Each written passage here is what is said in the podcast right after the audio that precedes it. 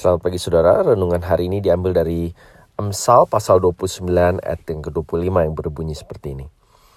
Takut kepada orang mendatangkan jerat, tetapi siapa percaya kepada Tuhan dilindungi. Mari kita berdoa. Bapa kami setiap hari dan sepanjang hidup kami perlu belajar apa artinya takut kepada Engkau. Mohon Tuhan berkati renungan sikat ini demi Tuhan Yesus kami berdoa. Amin. Anda mungkin pernah mendengar istilah imposter syndrome atau sindrom penipu. Ini adalah semacam kondisi di mana seorang merasa ia tidak layak menerima atau tidak layak mencapai kesuksesan yang ia miliki. Mungkin secara tidak sadar, Anda sendiri mengalaminya. Orang seperti ini selalu merasa khawatir kalau-kalau suatu hari orang lain menemukan bahwa ia hanya seorang penipu yang kebetulan berhasil di bidangnya. Orang ini selalu merasa bahwa ia tidak punya kemampuan yang sepadan dengan posisi ia, yang ia tempati saat ini. Itu sebabnya tidak heran kondisi ini kerap dialami oleh orang-orang berprestasi atau mereka yang punya kedudukan penting. Kalau ia baru saja mendapat hasil yang baik di ujian, ia akan mengira dosennya salah nilai atau kebetulan pas banget soal-soalnya adalah bahan yang ia baca tepat satu jam sebelum ujian dimulai. Kalau tidak, sudah pasti dia fail. Kalau dia berhasil meraih target di kantor, ia akan mengeluh mengapa ia tidak mencapai lebih lagi. Hidupnya dipenuhi dengan rasa cemas, tidak percaya diri, serta perasaan frustrasi saat ia gagal mencapai standar atau nilai bagus yang ia harapkan. Nah, budaya modern kita hanya dapat menilai imposter syndrome sejauh kita merasa seperti menipu orang lain dengan keberhasilan kita, atau sejauh bahwa semua terjadi hanya kebetulan, atau hanya sejauh kita mengecilkan pencapaian atau keberhasilan kita. Tetapi Alkitab punya bahasa lain untuk kondisi ini dan kondisi-kondisi serupa lainnya. Bahasa yang Alkitab pakai adalah takut kepada orang atau the fear of man. Kita telah menjadikan penilaian, pandangan, suka atau tidak suka orang lain terhadap kita menjadi, menjadi begitu besar dan pentingnya sehingga kita kehilangan pandangan akan segala sesuatu atau sehingga kita melihat setiap aspek hidup kita hanya demi untuk menyenangkan orang lain. Kita menjadi penyenang manusia, kita menjadi people pleaser sama seperti yang kita lihat kemarin, yang ujung-ujungnya adalah sikap hidup yang masih berorientasi pada diri kita sendiri atau self-oriented. Waktu kita membiarkan takut kepada orang mengontrol hidup kita, kita sebetulnya sedang menjadikan orang lain atau diri kita sendiri sebagai pusat dari segala sesuatu. Mereka atau diri kitalah yang menjadi Tuhan, menjadi Raja, menjadi penguasa, pemberi damai, arti hidup kita, dan lain seterusnya. Itu sebabnya kita tidak pernah merasa puas. Seperti kata Amsal di atas, takut akan orang mendatangkan jerat. Hidup kita selalu rasanya bagaikan siap-siap diterkam atau dilalap habis oleh pandangan dan pendapat orang lain. Saudara Alkitab dapat menyoroti imposter syndrome karena ada satu dimensi penting yaitu pribadi, perbuatan, dan perkataan Tuhan Allah. Kitab Amsal sendiri bukan saja berisi petuah-petuah bijaksana yang amat praktis, tetapi juga khususnya bagaimana kita hidup sebagai ciptaan dan milik Tuhan Allah di dunia ini. Kitab Amsal adalah kitab yang dibuka dengan kalimat takut akan Tuhan adalah permulaan pengetahuan tetapi orang bodoh menghina hikmat dan didikan. Amsal 1 ayat 7.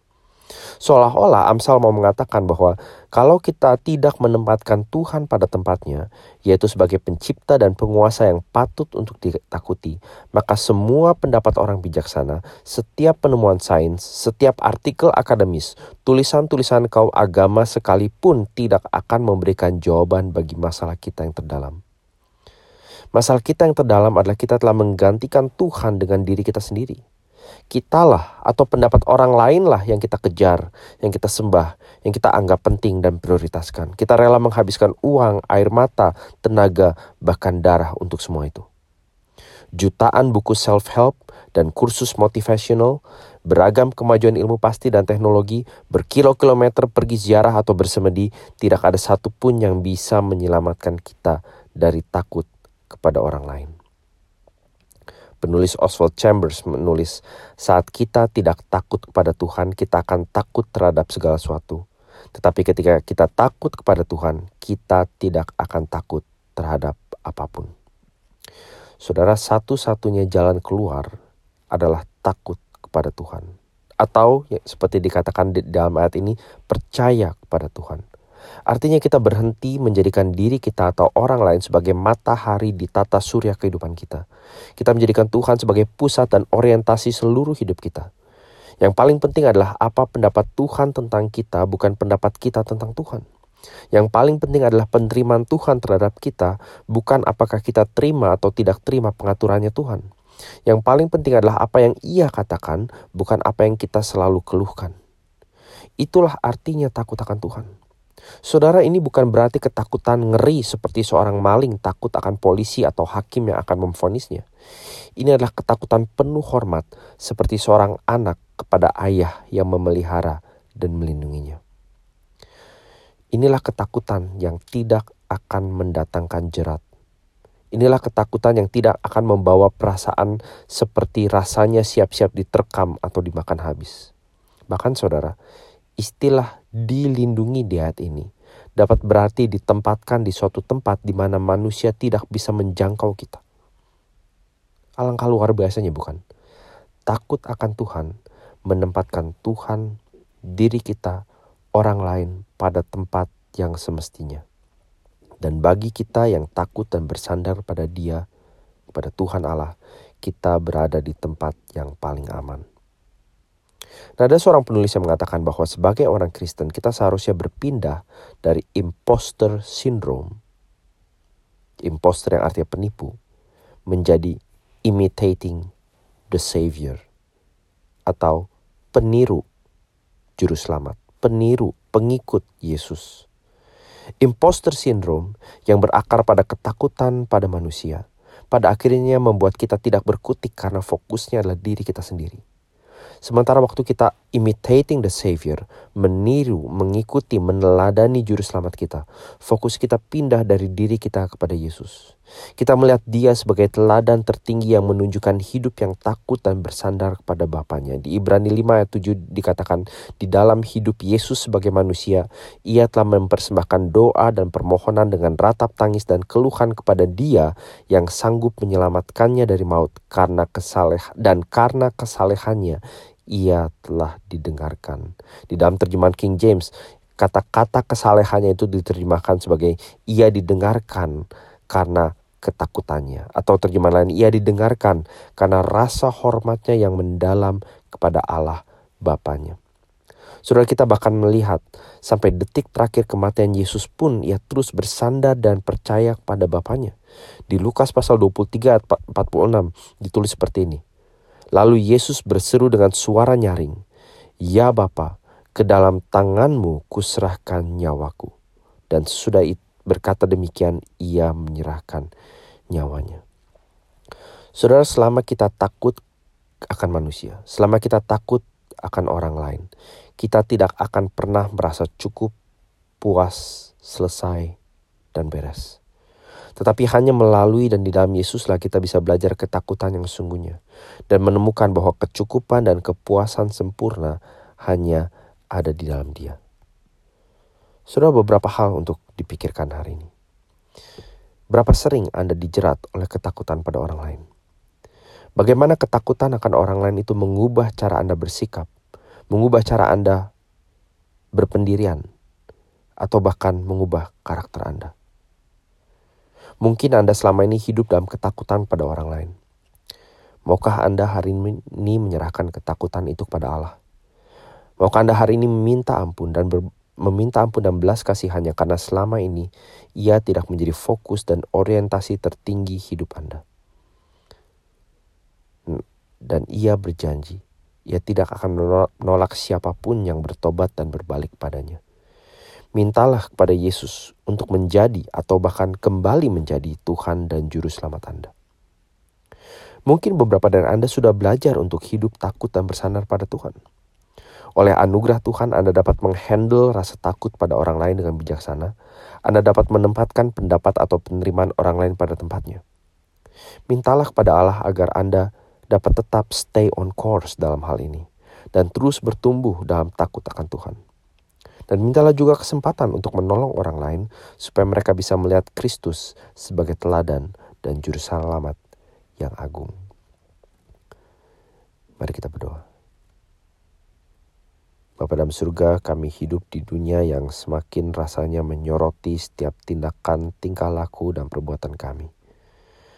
Dan kami menyadari di zaman di mana kami terkoneksi melalui internet, grup chat, sosial media, sering kali yang kami lupakan justru adalah koneksi dengan Engkau. Sehingga ketakutan, kekhawatiran akan pendapat, opini, orang lain, entah itu yang benar maupun yang bahkan sering kali kami bayang-bayangkan. Itu menjadi begitu penting dan besar dan buat kami dipenuhi oleh ketakutan yang tidak sehat atau kalau kami mau jujur, ketakutan yang berdosa di matamu. Bapak hari ini kami mau belajar untuk melihat kepada Kristus. Teladan ketakutan kepada Allah yang begitu agung. Yang bahkan sampai menghembuskan nafas yang terakhir, ya sepenuhnya bersandar padamu. Sehingga kami tahu Tuhan bahwa tidak ada satupun dari ketakutan kami yang di luar jangkauan keselamatanmu. Kami dapat datang padamu hari ini dan mengakui kebodohan kami, kecetekan iman kami, dan sering kali bagaimana pendapat dan penerimaan orang lain itu begitu matter, begitu penting bagi kami. Biarlah itu juga boleh menuntun kami untuk meninggalkan dosa-dosa yang diakibatkan oleh ketakutan ini. Seringkali itu membuat kami akhirnya menjalin atau membangun relasi perdepanan yang tidak sehat atau yang bahkan jelas-jelas kami tahu tidak berkenan padamu. Seringkali itu membawa kami kepada kebiasaan, pada hobi atau uh, aktivitas yang yang kami tahu bukan saja yang mungkin saja ber, yang bukan saja berdosa tapi sebetulnya dapat kami uh, pakai untuk membantu, menolong, dan hidup bagi orang lain. Bapak dalam surga hari ini kami mau berdoa menjelang uh, akhir minggu ini di mana kami sebagai umatmu akan beribadah bersama-sama. Kami mau berdoa bagi para pemimpin, khususnya para pendeta kami yang menyiapkan khotbah firman Tuhan yang kami tahu punya tantangan dan challenge lebih uh, di masa-masa pandemi ini. Kami berdoa bagi mereka setiap dari mereka yang uh, menjelang weekend ini entah akan uh, berkhotbah secara live atau merekam khotbah mereka, tentang sertai persiapan mereka dan hal hal-hal yang mereka telah koordinasikan dengan tim teknis dengan uh, tim pemusik. Biarlah biarlah engkau boleh memberkati segala persiapan mereka dan waktu kami sebagai umatmu bersama-sama beribadah besok hari. Kami tetap dapat beribadah dengan sungguh-sungguh dengan penuh cinta dan takut akan Tuhan. Dan kiranya akhir minggu ini atau hari uh, ibadah besok ini jadi satu kesempatan di mana kami bertumbuh dalam takut, percaya dan cinta kami kepadamu. Di mana Tuhan Yesus kami berdoa. Amin. Saudara kalau saudara punya pertanyaan, masukan atau komentar atau bahkan pokok doa yang bisa didoakan, saudara dapat mengalamatkannya melalui pesan WhatsApp plus 61 405 459054 atau email christian.tirta t i r t h a at gmail.com. Terima kasih sudah mendengarkan. Episode lainnya sudah dapat temukan melalui podcast dengan mencari ICC Devotional atau di website gereja kami icc-melbourne.org. Tuhan berkati.